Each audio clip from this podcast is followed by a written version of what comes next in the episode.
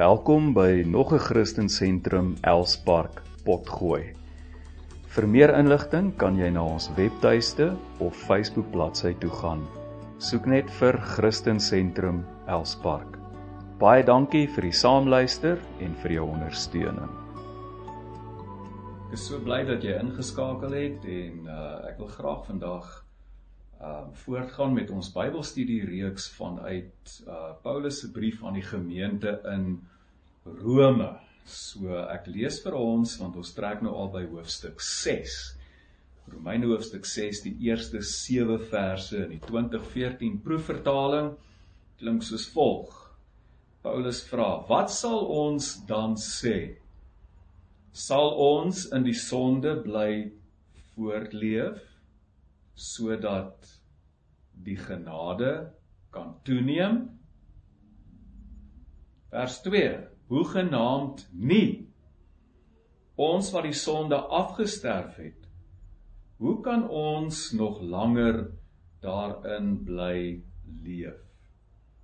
Of weet julle nie dat ons wat in Christus Jesus gedoop is in sy dood ingedoop is nie? Deur die doop is ons dus saam met hom in sy dood begrawe sodat net soos Christus deur die magtige heerlikheid van die Vader uit die dood opgewek is, so ook ons 'n nuwe lewe sal lei. As ons inderdaad ingelyf is in 'n dood soortgelyk aan syne, sal ons ook ingelei word of ingelei wees in 'n opstanding soortgelyk aan syne. Dit weet ons dat ons ou mens saam met hom gekruisig is sodat ons sondige bestaan beëindig kan word en ons nie meer slawe van die sonde sal wees nie. Wie gesterf het, is immers vrygemaak van die sonde. Tot sover die Here seën hierdie woord en die oordeenking daarvan in ons almal se harte.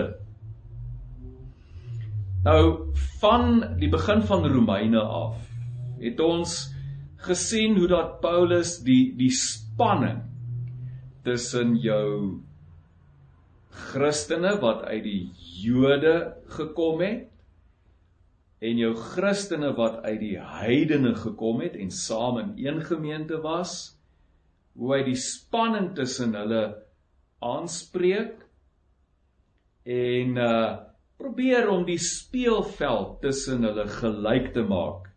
En ek moet bysê dat sy uh, teologiese argumente behalwe vir die feit dat dit die waarheid is, is dit absoluut briljant. Fenomenaal. In ons vorige hoofstuk in Romeine hoofstuk uh het Paulus hoofsaaklik met jou Joodse Christene. As ons mooi daar gaan deurlees, dan dan lyk dit vir ons asof hy meer met die Joodse Christene in in in in in in die vorige hoofstuk praat. En hy wys vir hulle dat hulle net soos alle ander mense sondaars is omdat hulle die Jode net soos alle ander mense uit Adam gebore is. Ja, die wet is later bygevoeg, maar die wet kon hulle nooit regverdig maak nie, want die wet verander nie die feit dat ons uit Adam gebore is en daarom sondaars is nie of jy 'n Jood is en of jy soos ek uit die heidendom kom nie. Die enigste manier waarop ons geregverdig kan word is deur die tweede Adam, naamlik Jesus Christus, om in hom te kom deur ons geloof. Dis in Christus wat ons herenig word met God en God se oorvloedige lewe deur Jesus in ons begin invloei sodat die dood nou nie meer oor my en oor jou heers nie maar ons nou oor die dood heers in die oorvloedige lewe van God. Maar nou kom ons by uh die hoofstuk waaruit ons vandag gelees het, Romeine hoofstuk 6. En dit wil lyk asof Paulus in hierdie hoofstuk sy fokus verskuif na die heidense Christene toe. Met ander woorde Christene wat nie uit die Jode gekom het nie, Hierdie was Christene wat uit die Spanjaarde, uit die Italianers, uit die Grieke en van die ander nasies gekom het, maar saam was hulle in een gemeente en was hulle in Rome.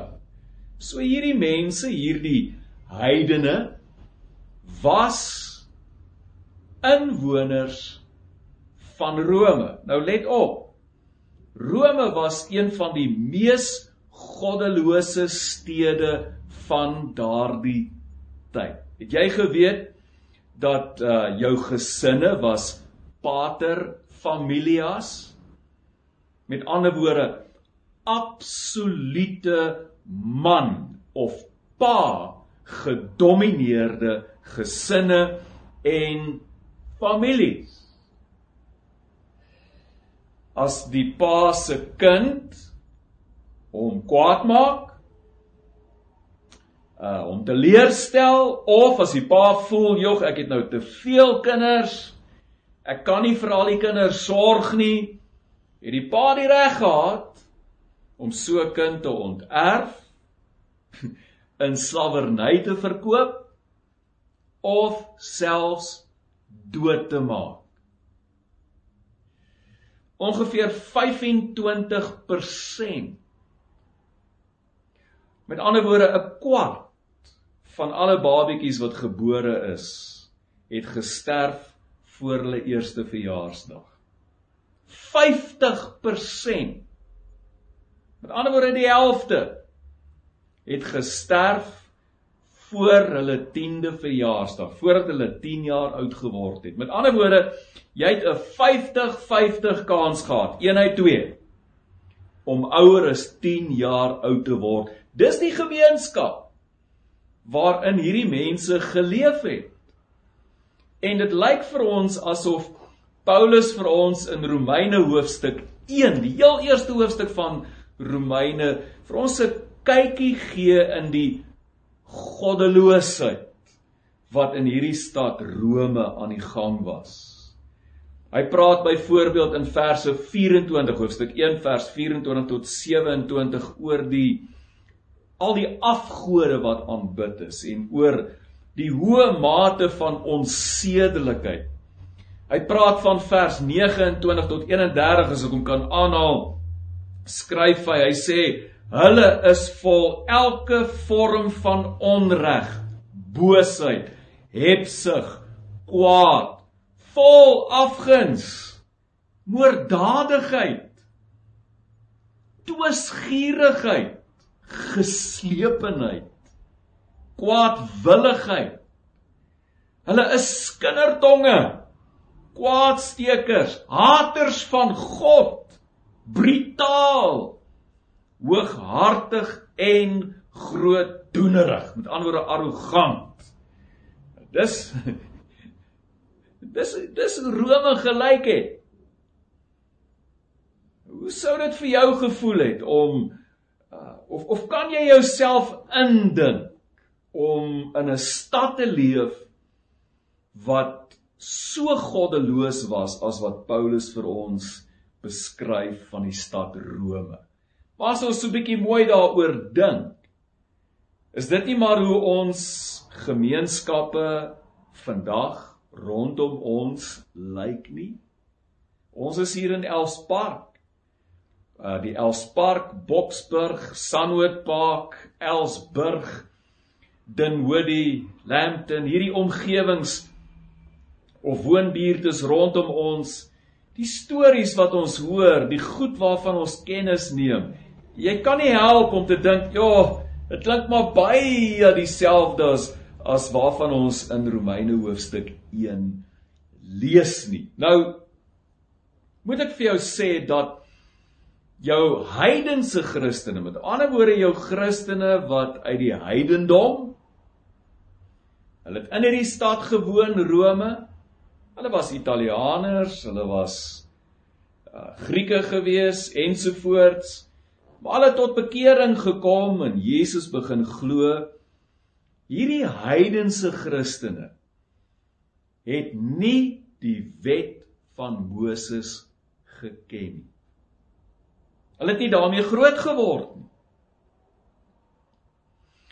En die wet van Moses het die Joodse Christene, die Christene wat uit die Jode tot bekering gekom het, wat wel die wet van Moses geken het en groot geword het met die wet, 'n baie groot morele voorsprong bo hulle broers en susters vanuit die heidendom gegee. Hulle het net eenvoudig meer beskaaf, meer moreel en eties opgetree. So hulle kon baie maklik hulle vingers wys vir hulle broers en susters uit die heidene wat na hulle mening nie so beskaafd en soms bietjie losbandig opgetree het. Nou, dis die probleem wat Paulus in hoofstuk 6 aanspreek. Dis die probleem wat Paulus in hoofstuk 6 aanspreek. Nou in hierdie hoofstuk wag daar vir ons 'n groot verrassing, maar ons gaan so 'n bietjie later by hierdie verrassing uitkom. Hy begin hoofstuk 6 met 'n retoriese vraag. Retoriese vraag is 'n vraag waarvan die antwoord van selfsprekend is. En die vraag wat hy vra is die volgende in vers 1. Sal ons dan in die sonde bly voortleef? Onthou nou hy praat hier met hierdie Christene wat uit hierdie goddelose stad gekom het, gewoond was daaraan, dit geken het En hy vra vir hulle: "Sal ons dan in die sonde bly voortleef sodat die genade kan toeneem?" Nou waar kom hierdie vraag vandaan? Net in die vorige hoofstuk het Paulus gesê dat God se genade oorvloediger geword het soos wat die sonde toegeneem het. En nou vra hy die vraag, beteken dit nou dat ons in die sonde moet voortleef sodat die genade kan toeneem? Met ander woorde, moet ek nou meer sondig? Want as ek meer sondig, dan word God se genade Meer, dit neem toe, dit word oorvloediger. Met ander woorde, my sonde onderstreep, beklemtoon eintlik die grootheid en die wonder van God se genade. En as jy so daaraan dink, dan kan jy nie help om die gevolgtrekking te maak, maar my sonde is dan tot eer en verheerliking van God, want my sonde beklemtoon dan hoe groot God se heerlikheid, hoe groot God se genade is.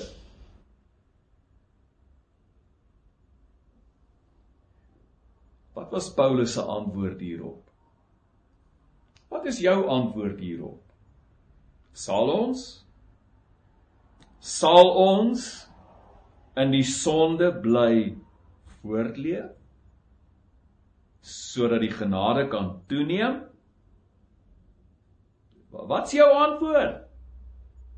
Kan ek vir jou sê hoe antwoord Paulus op? Paulus sê nie net nee nie. Hy kan dit nie sterker stel nie.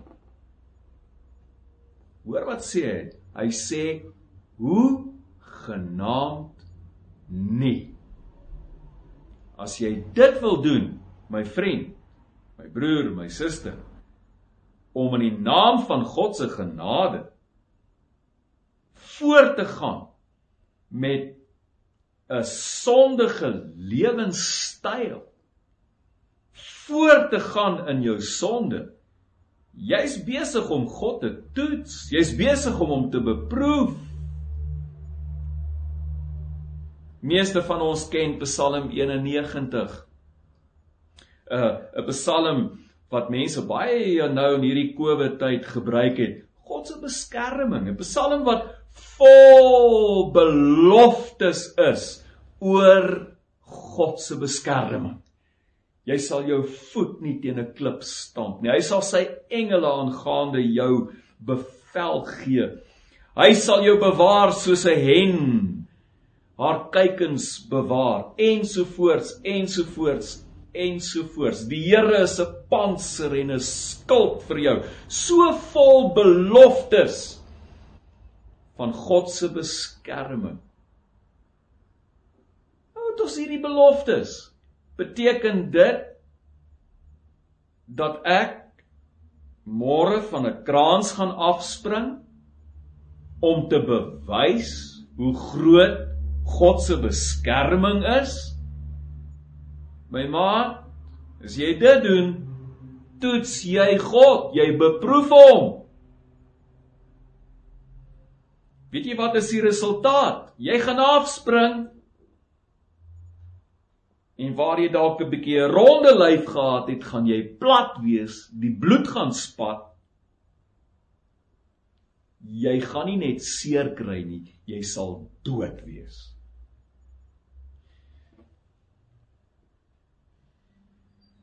Verstaan jy wat ek sê?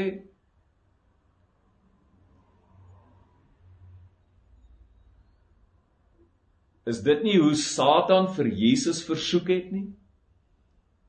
Hy vat hom na die hoogste plek van die tempel toe.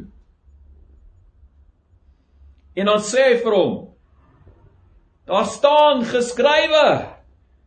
En hy haal Psalm 91 aan: Die Here, die die Here jou Vader, jou God, sal sy engele aangaan die jou bevel gee: Spring! Spring! God sal jou mos beskerm. Hoe het Jesus hom geantwoord? Kan jy onthou?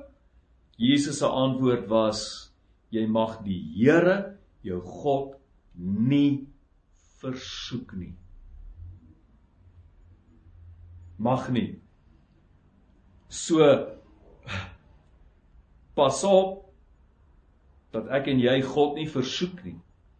Dat ons kyk hoeveel sonde ons ons kan doen of ons maar kan voortgaan met ons sondige lewenstyl om te bewys hoe groot God se genade is.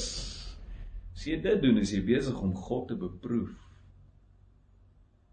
Maar nou kom ons by die groot verrassing in hierdie hoofstuk. Vat Paulus hierdie heidense Christene nou na die wet van Moses toe? Gee hy vir hulle so vinnige induksie kursus in die wet van Moses? so 'n blitskursus. Sê hy vir hulle, gaan kry vir julle die Torah, die eerste 5 boeke van Moses, bestudeer dit, leer dit, lees dit sodat julle net op hoogte kan kom hoe lyk Bybelse moraliteit en etiek. Dit is nie wat Paulus doen nie. Hoe genaamd nie. Hier's die verrassing. Hy vat hulle nie na die wet toe nie. Waarna toe vat hy hulle? Hy vat hulle na hulle doop toe. Hy vat ek sê weer luister mooi. Hy vat hulle nie na die wet toe nie. Hy vat hulle na hulle doop toe. Die heel eerste ding wat my doop vir my sê is dat ek my sonde afgesterf het. Ek lees dit vir jou. Verse 2 en 3. Paulus skryf, hy sê ons wat die sonde afgesterf het. Hoe kan ons nog langer daarin bly voortleef? Of weet julle nie dat ons wat in Christus Jesus gedoop is in sy dood ingedoop is nie? Wat sê my doop vir my? My doop sê dat ek gesterf het. Ek het gesterf. Hoe het ek gesterf? Deur my geloof het ek myself jy moet jouself ek wil hê jy moet dit ervaar.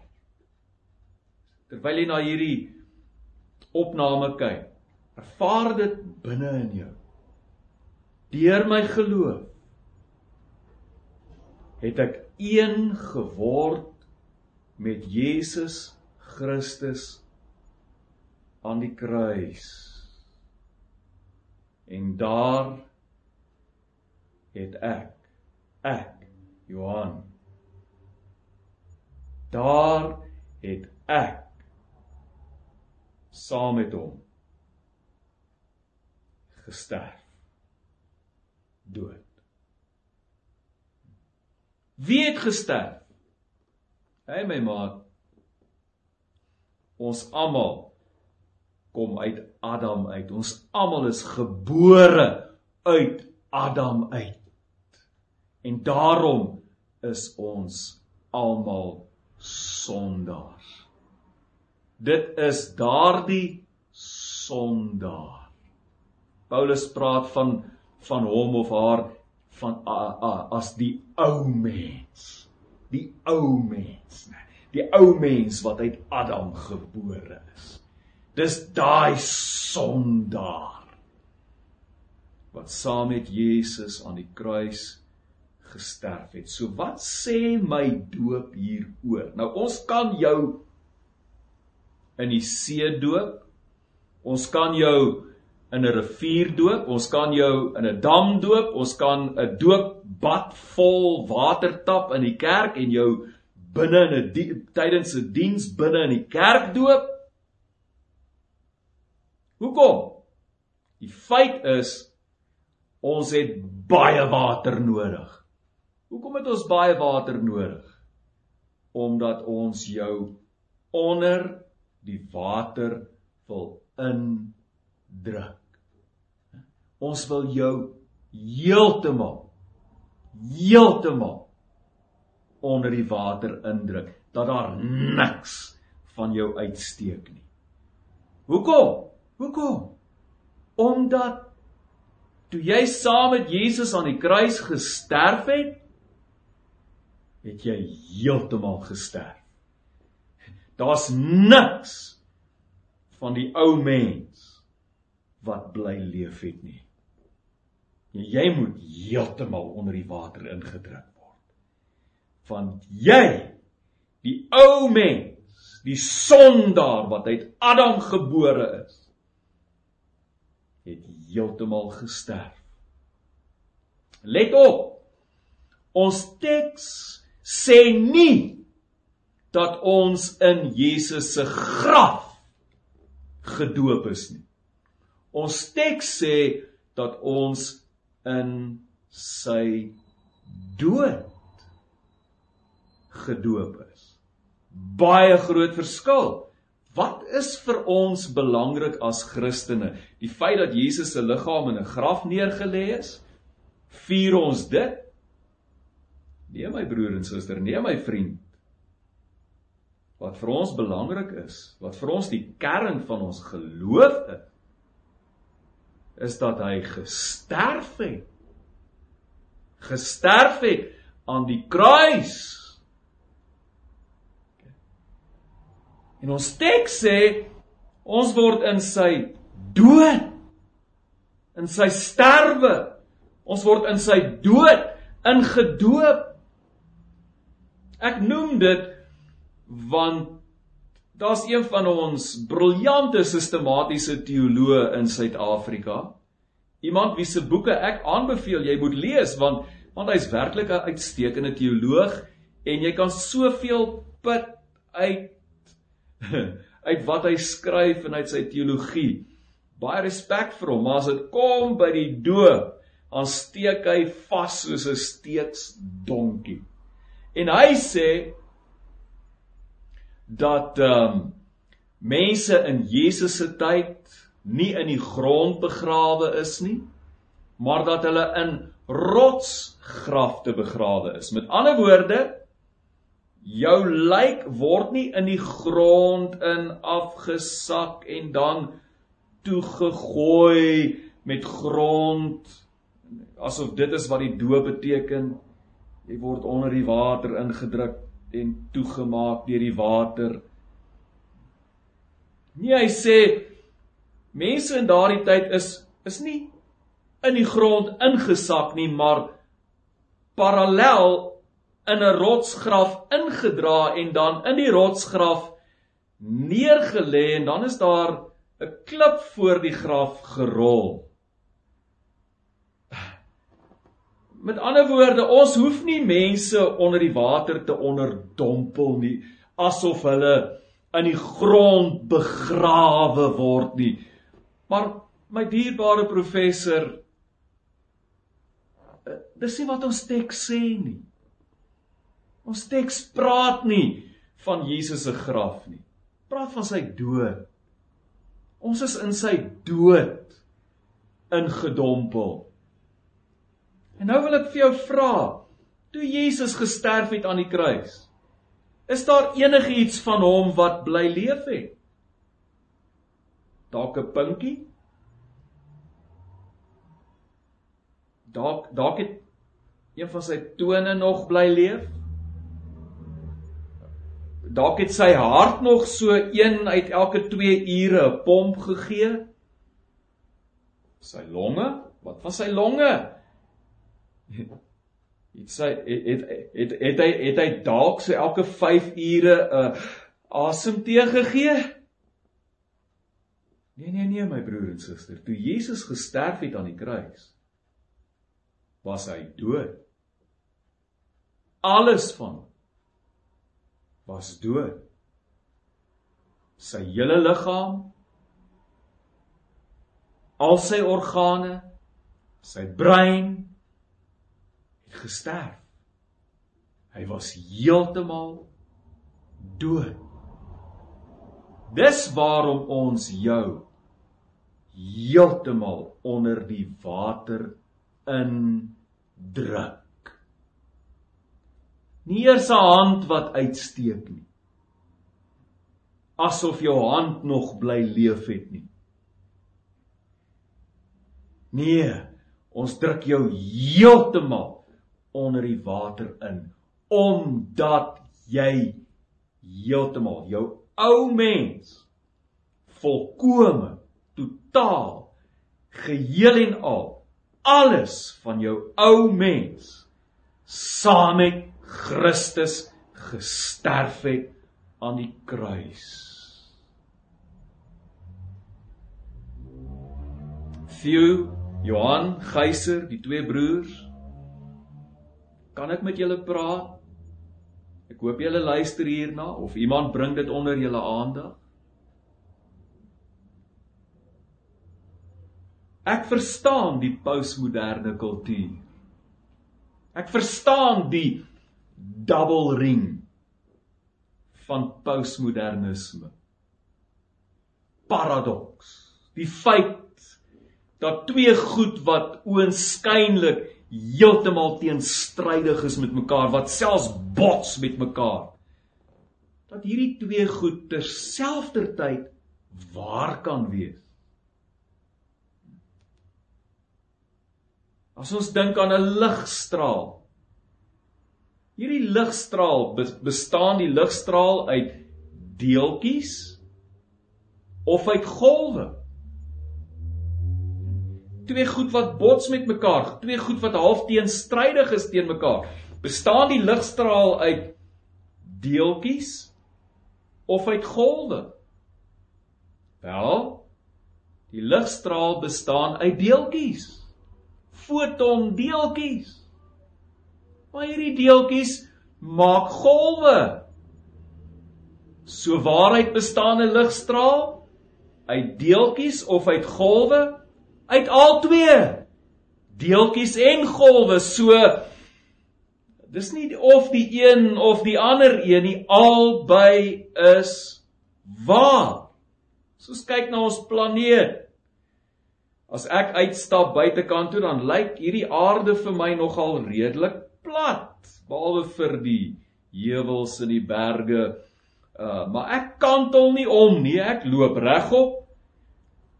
Die aarde lyk plat. So is die aarde nou plat of is hy rond? Tot jy nou by die see kom en jy kan ver oor die oseaan uitkyk tot op die horison dan en dan wil dit lyk asof dan wil dit lyk asof daar tog 'n kurwe is. En dan klim jy in 'n ruimtetuig of in 'n vuurpyl wat jou lanseer en hoe meer distansie jy van die aarde af kry, begin jy besef maar maar eintlik is die aarde rond.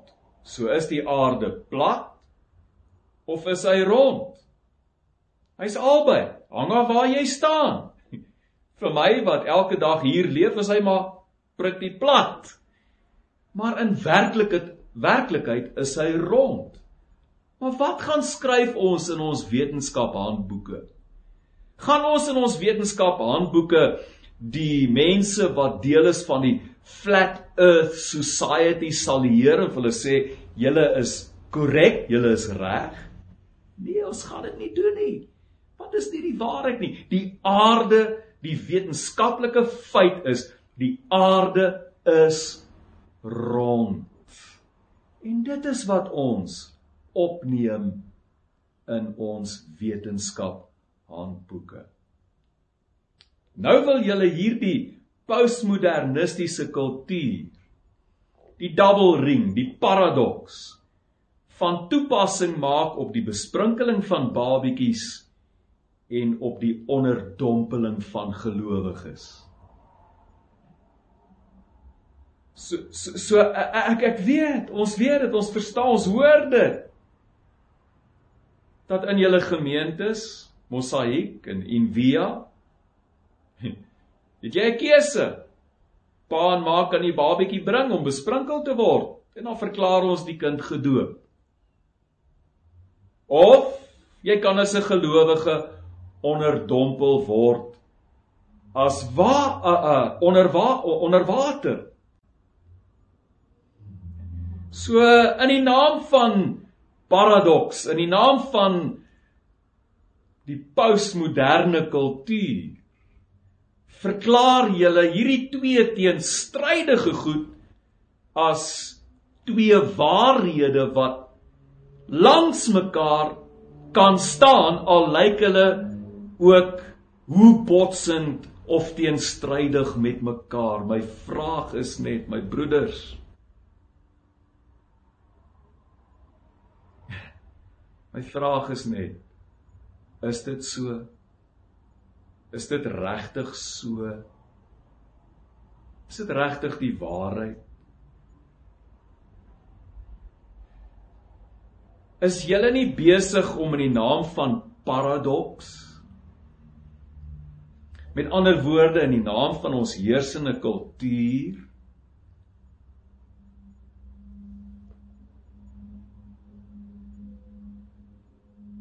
goed waarde verklaar wat nie die waarheid is nie. Dat die twee goed langs mekaar kan bestaan. Is jy nie besig om die kultuur te verkondig in plaas van God se woord en op daardie manier 'n 'n groot streep deur 'n baie groot deel van jou Nuwe Testament teologie te trek nie. Is julle bereid om al twee hierdie goed in 'n geloofsbelijdenis op te neem? En vir julle mense te sê albei is waar? Hoe strook dit met vandag se boodskap? Hoe strook dit met die simboliek van die dood? Hoe strook dit met 'n mens wat saam met Christus die ou mens wat saam met Christus heeltemal gesterf het. Is dit nie wat ons doop sê nie? Is dit nie hoekom ons mense onderdompel nie? Is dit nie hoekom ons hulle heeltemal onder die water druk nie? Eerstens iets het in hulle lewens gebeur. Hulle het gesterwe saam met Christus aan die kruis. En nou word hulle gedoop in water. Hulle word onderdompel om te sê, om te wys, om te bely, daar's niks van my ou mens wat bly leef het nie. Ek het saam met Christus gesterf. Broers,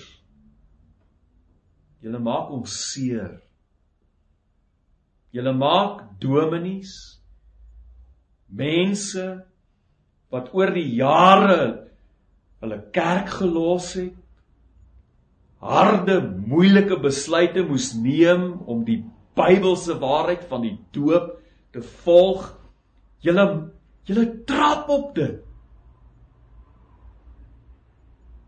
die feit is ons doop sê vir ons dis dis die geheue Dis ons geheue om ons te herinner dat ons heeltemal my ou mens heeltemal saam met Christus gesterf het. En nou hierdie vraag van Paulus. As my ou mens gesterf het.